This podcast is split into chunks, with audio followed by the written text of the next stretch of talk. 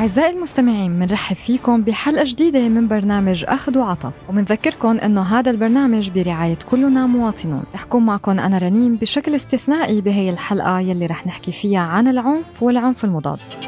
أخذ وعطا خمس سنين مرقت على المجتمع السوري كان فيها الفعل الجماعي الأكثر ظهوراً بالمقارنة مع سنوات سبقت ال 2011 تدرجت من الحراك السلمي وصولاً للحرب يلي لسه عم تشهد أحداث تصاعد كبير وخطير. محصور بحالة من الفعل العنيف يلي بيلحقه بمعظم الأحوال رد فعل شبيه هي الأفعال ردودها متشابكة مع مجموعة هائلة من التداخلات الإقليمية والدولية. جعلت من قضايا مثل الحرية والكرامة والعدالة الإنسانية مجرد خلفية تكاد تكون غائبة أمام واقع العنف والعنف المضاد. ظل تحديات كبيرة بتتعلق بالسيادة الوطنية وتماسك واستقلالية القرار سواء المتعلق بالمجتمع أو المؤسسات الحاكمة. وهي تحديات خطيرة بسبب تأثيرها على عملية وشكل الحل السياسي. وبالتالي على مستقبل الوطن استنفذ طاقته البشرية والمادية وغرق بعبثية الحرب والمصالح الدولية.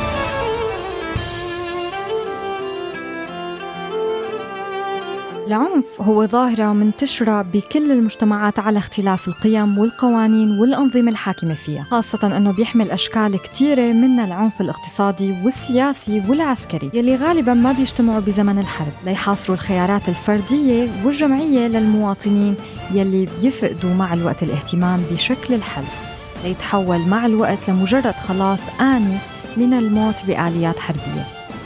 خلاص بتتخبى فيه أشكال أخرى لموت بطيء بيستهدف كرامة وحرية واستقلال الإنسان.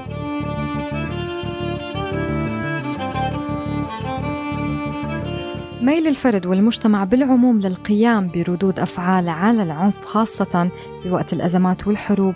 بيتطلب منا فهم الأسباب والظواهر والدوافع وراء السلوكيات والخيارات والاستراتيجيات يلي بيتبناها المجتمع. والهدف هون ما تبريرها وإنما تحليلها من ناحية تحقيقها للمصلحة العامة وضمانها لمستقبل الوطن على المحك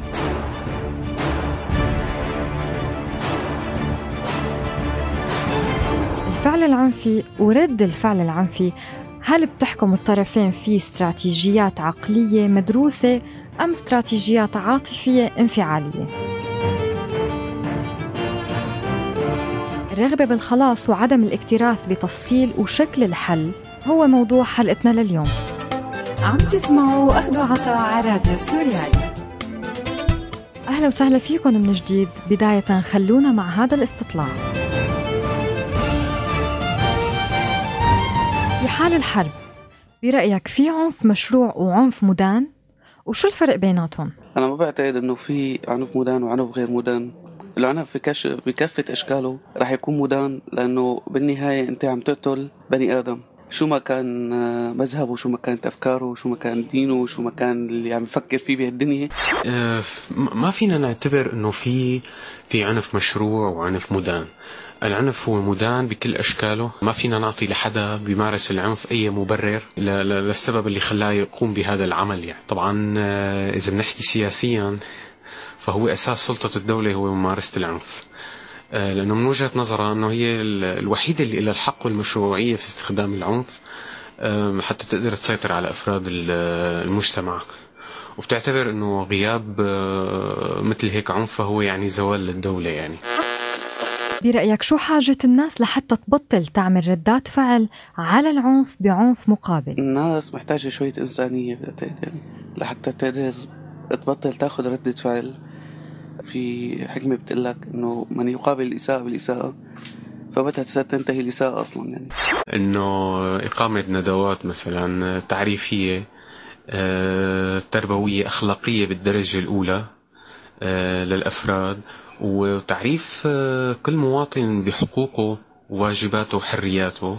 فبهذا الشيء ممكن إنه أنت تخفف من مفهوم العنف ومن تطبيقه بنفس الوقت هل الناس تعودت على المجازر وصارت ردة فعلها أخف؟ وليش؟ وبيفرق هالشي بين المناطق المنكوبة ويلي عم تتعرض لمجازر بشكل متوقع ومتكرر ما ظنيت إنه الناس تعودت على المجازر يعني مشهد الدم والدمار والأشلاء والضحايا يعني مستحيل مستحيل أي إنسان إنه يقدر يتعود عليها.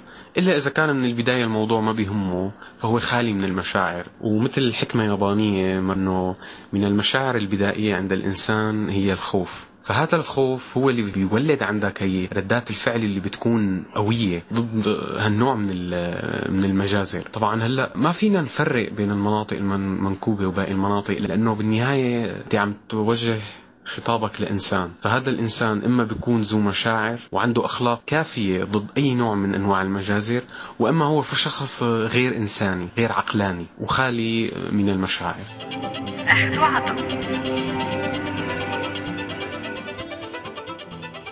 أهلا وسهلا فيكم من جديد. مما لا شك فيه أنه تدويل القضية السورية وتدخل جهات خارجية مختلفة بالصراع العسكري والسياسي خلى مقومات العنف كلها تزيد. وبكل الأحوال من مصلحة صناع الحروب أنه يغذوا العنف والعنف المضاد لحتى تستمر الحرب أكثر وتستمر الجهات الخارجية بحصد الفوائد الاقتصادية والاستراتيجية مع استدامة الحرب والعنف وعدم الاستقرار السؤال هو شو دور الناس بهذا الشيء وهل ممكن يكون فيهم يعملوا شيء ضده؟ بالأسبوع الماضي قتلت البراميل المتفجرة بمدينة دوما بريف دمشق أكثر من 100 مدني نتيجة قصف النظام السوري بالطيران الحربي لأحد الأسواق الشعبية. إجت هاي المجزرة بعد أيام من قصف عشوائي لمدينة دمشق بقذائف الهاون راح ضحيته 11 مدني يمكن هالحادثتين مو مرتبطين ببعضهم بشكل مباشر بس إجت هاي الحوادث المتكررة ويلي مر قبل حوادث مشابهة بنفس التسلسل أو بتسلسل معاكس بين هجوم على مناطق تابعة للمعارضة والضحايا مدنيين. وهجوم على مناطق تابعة للنظام والضحايا أيضا مدنيين. اجت وعم تجي ضمن ظروف معيشية صعبة ولو بدرجات متفاوتة بين مناطق النظام والمعارضة بحيث أصبحت أساسيات الحياة أيضا ورقة بإيد الأطراف المتحاربة لحتى تضغط فيها على المناطق يلي خارج سيطرتها مثل الحصار الغذائي وقطع المياه والكهرباء والحصار الطبي.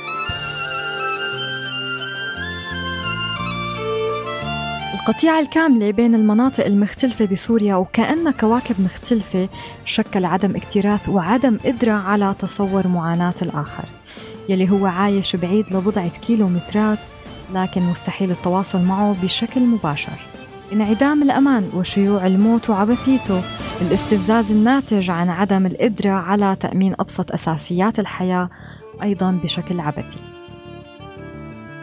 كل هي الظروف الشديدة القسوة محفز على محاولة الناس لإيجاد حل سريع ينهي هي المأساة بسرعة وبأي ثمن. وهذا الأساس يلي بيغذي حالة العنف المضاد ويلي بأغلب الأحيان حتى ما بيكون موجه على المسبب خاصة إذا كان المسبب صعب الوصول له أو حتى صعب تحديده. لذلك بيتم إقناع النفس والمجتمع المعنف بالمسبب الشماعة يلي منقدر نوصل إلها ونقوم تجاهها بفعل عنيف أو نلغي وجودها.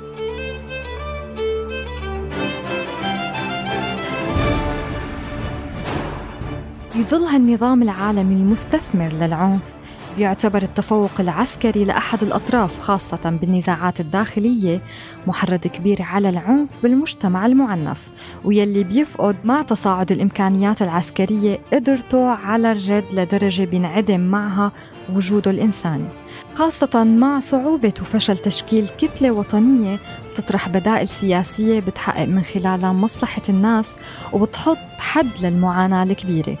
وبتطرح بدائل واستراتيجيات بتتمتع بالاستقلالية والقدرة على الضغط بعكس التيار يلي عم بيحول البلد لجحيم.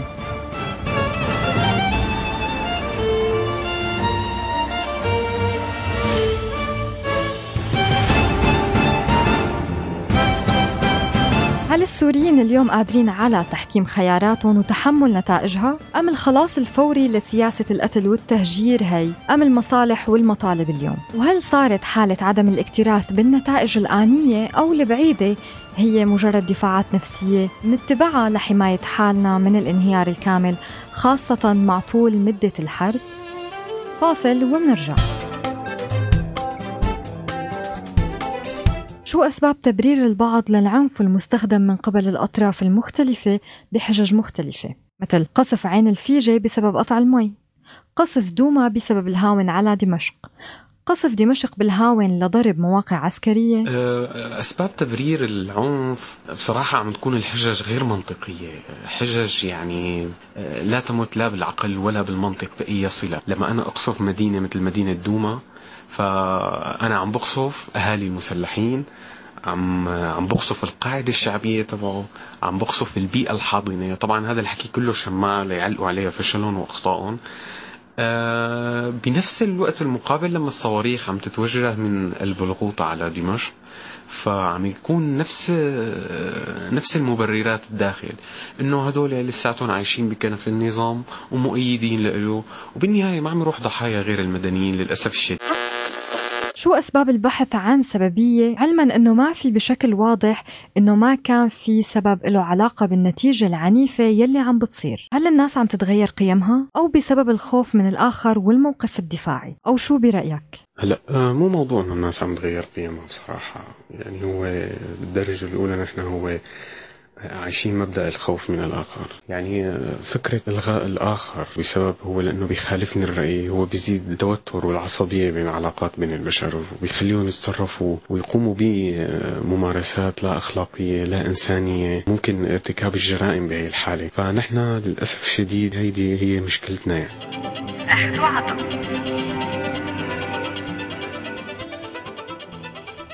من الطبيعي والغريزي والمتوقع أنه الناس تبحث عن الخلاص من التعنيف يلي عم يسلبها حقوقها وإرادتها وعم بيعرضها للمعاناة والخطر. وأحد أهم أسباب العنف المضاد هو الإحباط الناتج عن عدم الشعور بالمؤازرة من المجتمعات الإنسانية الأخرى. وكمان العجز عن اتخاذ فعل يقدر يوقف بوش هذا العنف يلي عم يتعرض له المجتمع.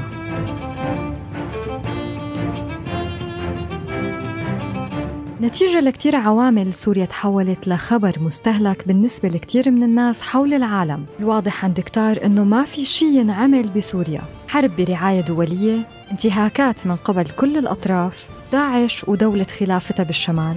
شو المتوقع بحرب من هذا النوع غير سقوط ضحايا؟ ومع الوقت خفتت الأصوات أكثر وأكثر.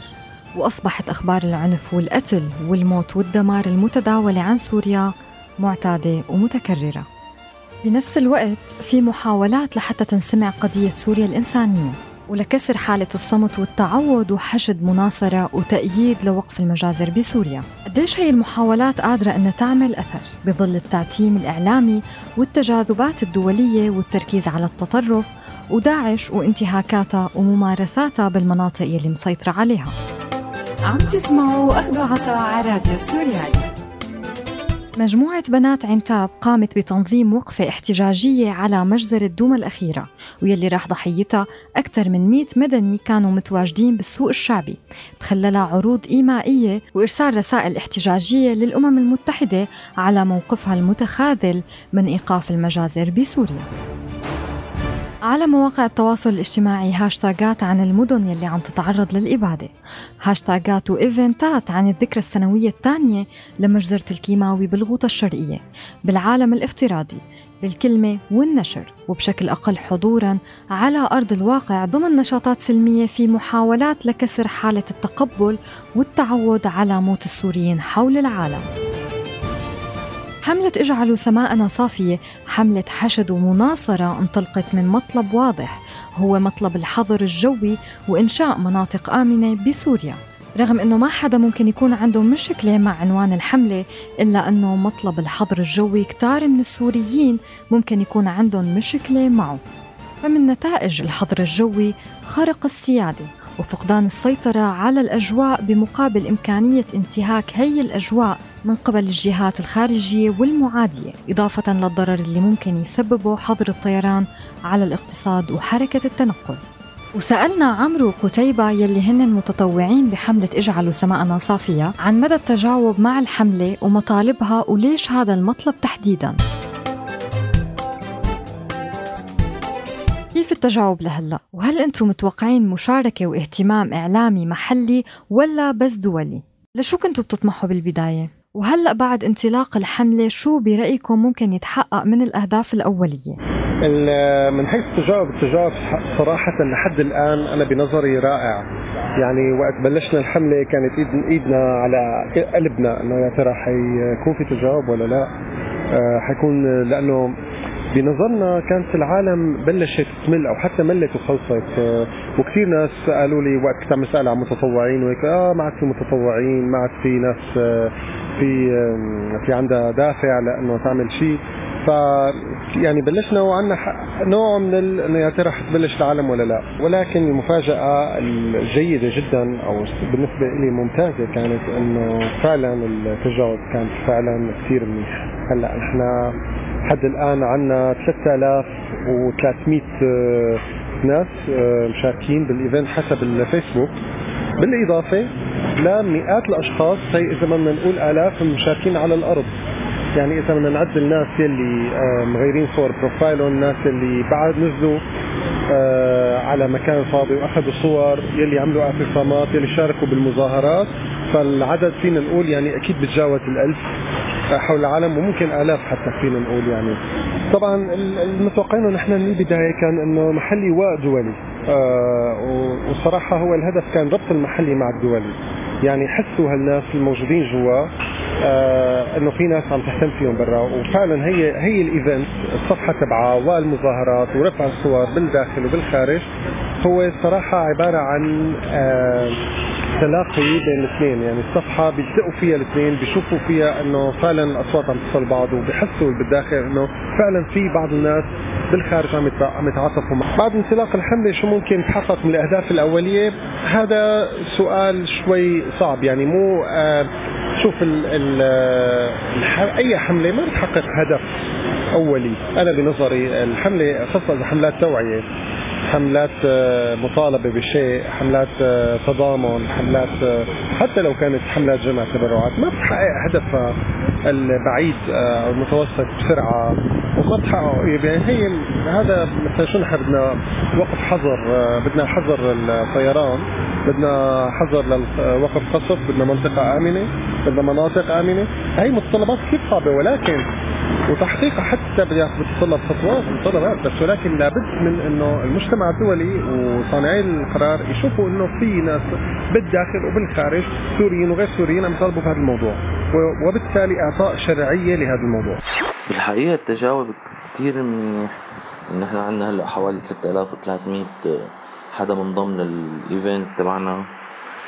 أه بالحقيقة نحن مو بس متوقعين نحن كنا متأكدين تقريبا لأنه بالنهاية أنت عم تعمل حملة فلازم تكون منسق مع جهات دولية وجهات آه، داخل محلية فكنا عاملين هذا الشيء بس بالحقيقة كنا كان التجاوب أكبر من من ما كنا متوقعين هل برأيكم الحملة هي أو أي حملات شبيهة ممكن تساعد مع الوقت بإحلال السلام؟ كيف ممكن تدعم الحملة وقف العنف والعنف المضاد؟ إذا بنرجع شوي لورا بداية الثورة كانت ثورة سلمية آه، ثورة محقة.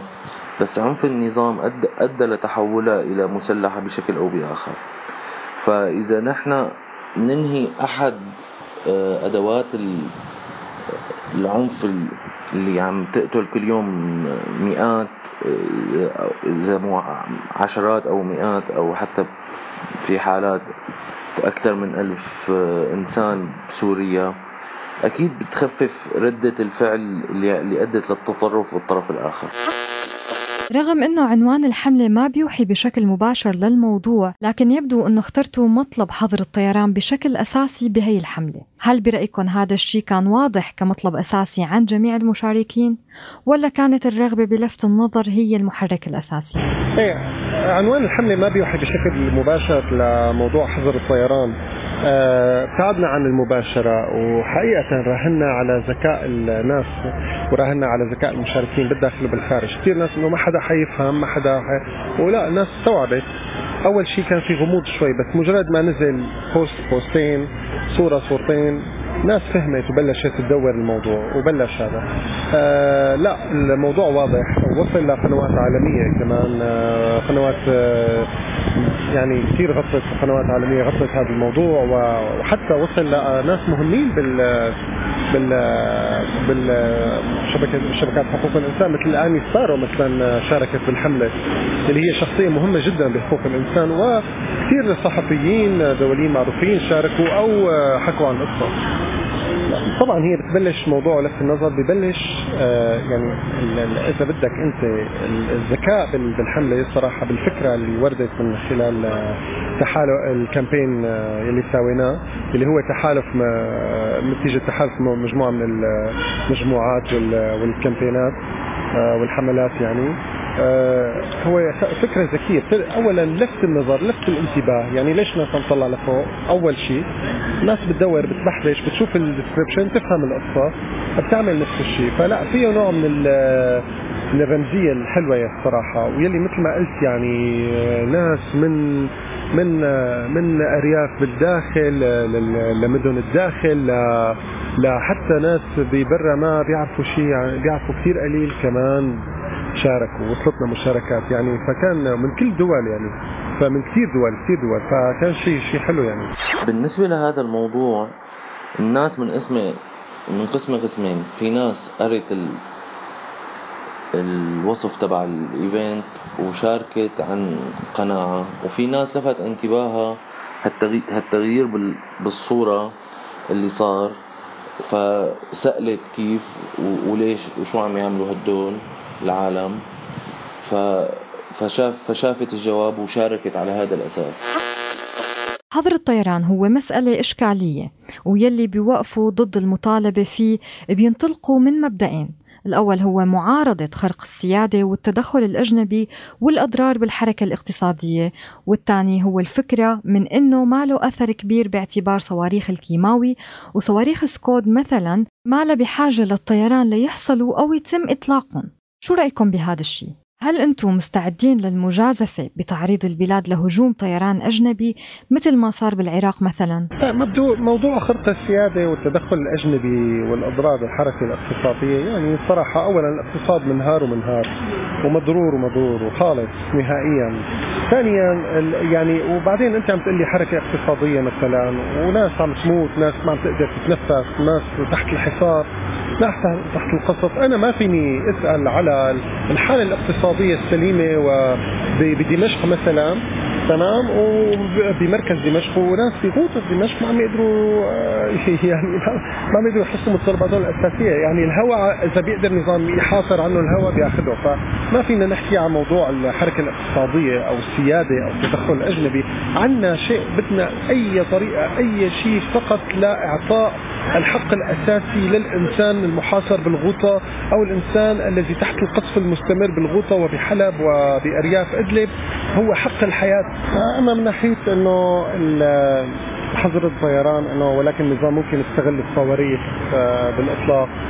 إيه، بضل هلأ النظام عم نستخدم كل شيء كل شيء. آه، ميليشيات آه، شيعية متطرفة عم عم يتحالف مع داعش ضد المناطق اللي بترفع العلم الأخضر. عم يبعث صواريخ عم يبعث جنود. عم عم يجند ناس اجباريا.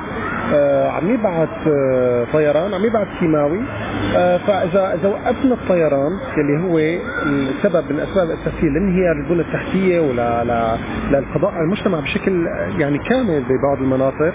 تدمير النسيج الاجتماعي والعمراني وكل شيء. إذا وقفنا هذا السبب الطيران بيكون وقفنا السبب الاساسي للمسؤول عن هذا الشيء.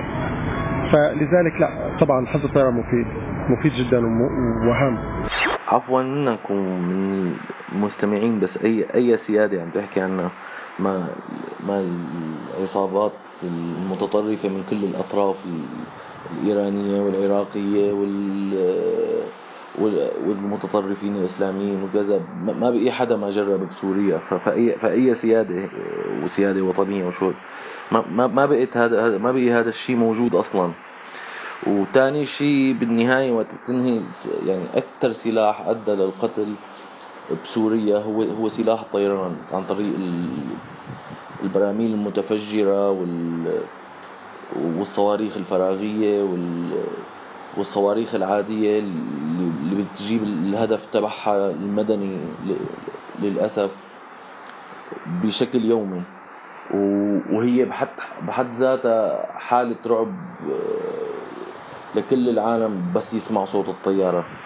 فأكيد وقت بتنهي هيك شغلة بتقيم جزء من من, القتل اللي عم يصير يوميا وجزء الكبير والأهم. وبتنحصر بتنحصر وبنحاول بهي الحالة إنه تصير المعركة معركة آه، جبهات وما ما دخل المدنيين يعني يعني قدر الإمكان بيتحيد المدنيين عن عن آه، قصف قصف النظام. بتصفى مسافات قريبة و20 كيلو و40 كيلو. سكود صح إنه بيضرب بس ما ما عاد مثل الأول عم ينضرب سكود. آه الكيماوي أغلب الحالات الكيماوي بعد بعد مجزره الكيماوي اللي من سنتين هي كانت عن طريق البراميل المتفجرة اللي محمله بغاز الكلور. فأكيد اذا إذا أنهينا الطيران أو طالبنا بإنهاء الطيران رح يتخفف كثير من معاناة الشعب السوري.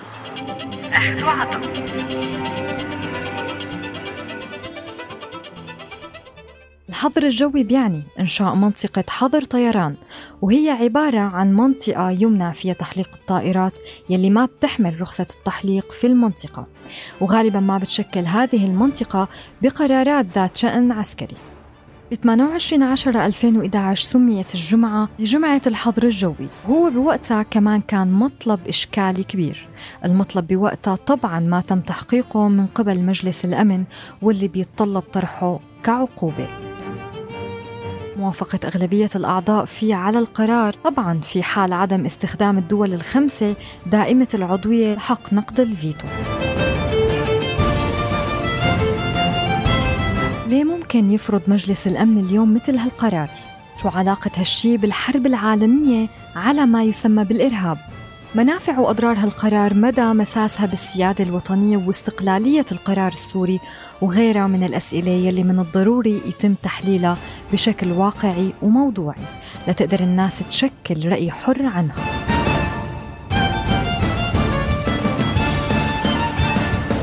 اليوم الحاجة كبيرة لتحليل الخيارات المطروحة أو المفروضة بالأزمة السورية. ويمكن وجود مجموعة وطنية من الخبرات القادرة على طرح استراتيجية متكاملة تقدر تفرض حالها على الدول المؤثرة وتدافع عن طرحها أمام مصالح الدول. ممكن هالحل يكون المخرج لمأساة ناس عم بيواجهوا الموت وإلحاحية الحاجة لمجرد البقاء على قيد الحياة هن وأسرهم. أنا بودعكم على أمل اللقاء فيكم قريبا. كونوا بخير.